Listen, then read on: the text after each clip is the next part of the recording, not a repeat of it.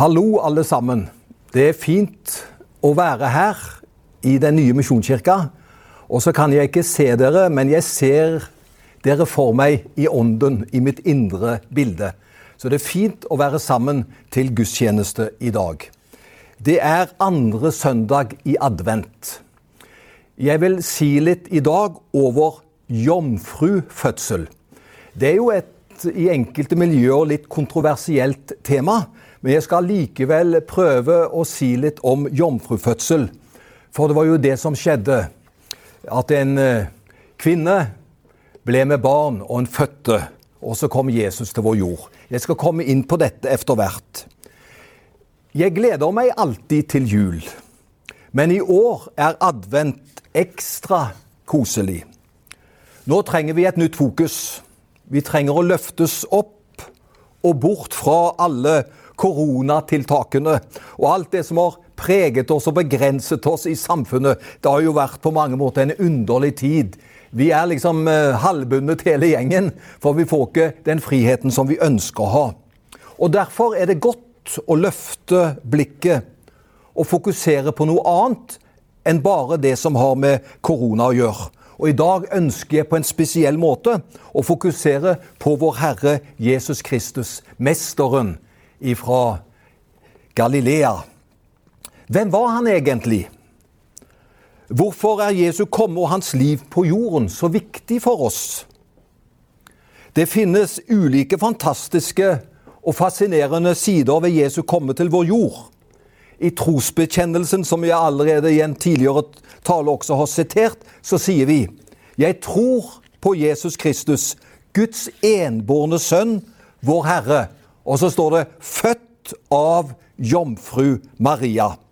Her blir det understreket at Jesus var Guds sønn, men at han også var et menneske. Han ble unnfanget ved Den hellige ånd, og så ble han født av jomfru Maria. Dette har vært diskutert av kloke hoder gjennom alle tider. Hvordan er dette mulig? Og må, hvorfor måtte det skje på den måten at Jesus ble født slik? Hva er viktig å få fram angående jomfrufødselen? Jo, for det første, hva betyr det? Selve uttrykket jomfrufødsel er et uheldig uttrykk, fordi det vektlegger fødsel men Jesu fødsel var fullstendig normal og naturlig. Det var hans unnfangelse som var overnaturlig og unormal. Og det at Maria fortsatt var jomfru etter unnfangelsen, det er jo dette som er det spesielle. For det andre, hva var det som skjedde? Matteus og Lukas gir begge nøktern skildring av denne mirakuløse begivenheten. Matteus forteller Josefs historie, og Lukas forteller Marias historie. Derfor er ikke de to evangeliene er helt like, for de har et ulikt fokus. Det ene evangeliet, da leser vi om gjennom Josefs øyne, det er Matteus, og Lukas han forteller sin historie gjennom Marias øyne. Det er sant, forresten, at verken Markus eller Johannes forteller om jomfrufødselen. De valgte faktisk å begynne sin beretning med døperen Johannes. Døperen Johannes blir først nevnt, og så er det ingen referanser til Jesu fødsel eller hans barndom. Skal vi ut fra det anta at de ikke trodde at Jesus verken hadde vært født eller hadde en barndom? siden de ikke har det med. Nei, både Johannes og Paulus antyder Jesu preeksistens når de skriver om at Gud sendte sin sønn, eller at han kom ovenfra og kom til verden. Det mest sannsynlige er at de trodde dette skjedde gjennom jomfrufødsel. Jesu eksistens og liv på jord er rikelig dokumentert gjennom historiske kilder. Så hans eksistens er ikke et trosspørsmål for oss. Men nå var det altså dette med jomfrufødsel. Så for det tredje Hvorfor har det noe å si? For meg er jomfrufødselen med å bekrefte at Jesus var et menneske. Han ble født av Maria. Som alle mennesker var han skapt som et resultat av eggcelle og sædcelle.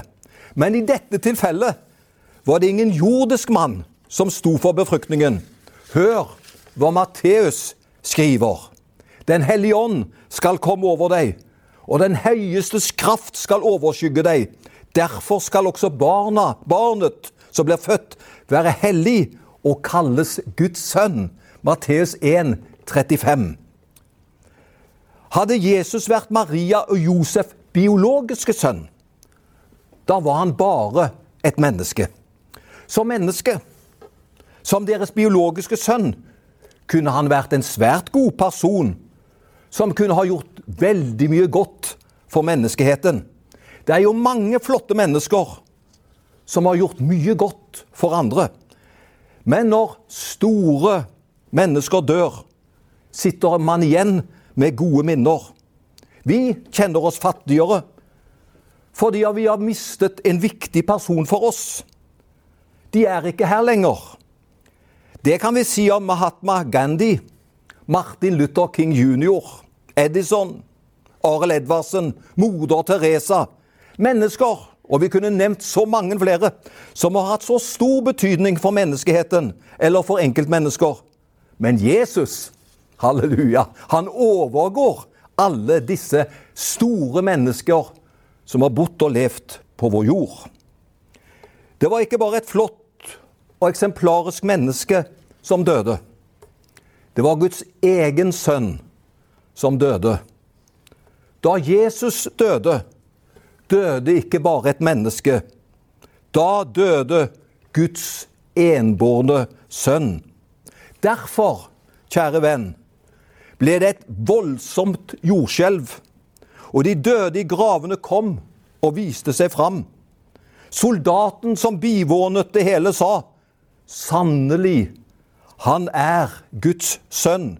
Det står at forhenget i tempelet det revnet i to fra øverst til nederst. I denne stund skjedde det noe mirakuløst. Og Jeg vil gjerne at du skal lytte godt til det jeg sier nå. I denne stund skjedde det noe mirakuløst. Man kunne ane at noe dramatisk fant sted i den åndelige verden. I hvert fall i en sfære der vi mennesker ikke har noen som helst tilgang. Det var en oppgjørets time. Alle mennesker som har bodd, bor og kommer til å bo i verden, kom i det øyeblikk for retten. Skaperen av himmel og jord hadde en oppgjørsstund mellom Gud Faderen og menneskebarna som, som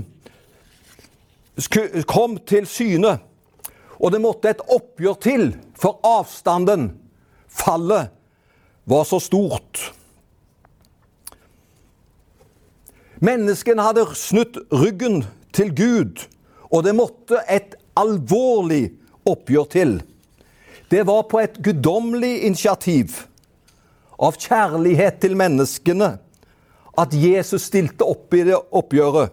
Og han sto der på vegne av oss alle. Han sto der i oppgjørets time. I mitt sted, i ditt sted, på vegne av oss alle. Han representerte oss og sa samtidig at han var villig til å ta på seg straffen for oss alle. Da Gud sendte sin sønn, så døde han og sonet all verdens synd. Han sonet min synd, han sonet din synd. Og er det noe vi virkelig hver dag bør takke han for, så er det for at han tok på seg din og min synd. Han betalte prisen. Syndegjelden er betalt. Det står i Kolosserne 2,14 Gjeldsbrevet som gikk oss imot pga. lovens bud, strøk han ut og tok det bort ved å nagle det til korset. Hadde ikke Jesus vært guddommelig, ville han hatt mer enn nok med sin egen synd. For ingen mennesker, uansett hvor fantastiske de er, ikke engang noen helgener har levd uten synd. Alle har syndet. det ligger i menneskenaturen å bli fristet og la seg friste. Jesus ble også fristet, men han ga ikke efter for fristelsen. Hadde han ikke vært et menneske, ville han sannsynligvis ikke engang kunne ha blitt fristet, for det er bare mennesker som kan bli fristet. Men han ble fristet, men han syndet ikke. Hvorfor? Gud kan ikke synde. Jesus, han var også Gud. Men fra den andre siden, hvis Jesus bare hadde vært guddommelig, kunne han ikke vært et virkelig eksempel for oss. For da hadde han ikke vært som en av oss. Men Jesus var utrolig nok som en av oss. Vi kan lese om at han ble trett. Han var sulten, og han kunne bli tørst. Han ble fristet, som jeg nylig sa. Han kunne bli glad, og han kunne bli sint. Han var et menneske. Han ble prøvd i alt, står det. Derfor har han også medfølelse med oss. Han forstår dine bølgedaler, de stormene som du er i. Han forstår dem, han kjenner til dem, for han har selv vært et menneske. Det står om Jesu fødsel flere steder i Bibelen.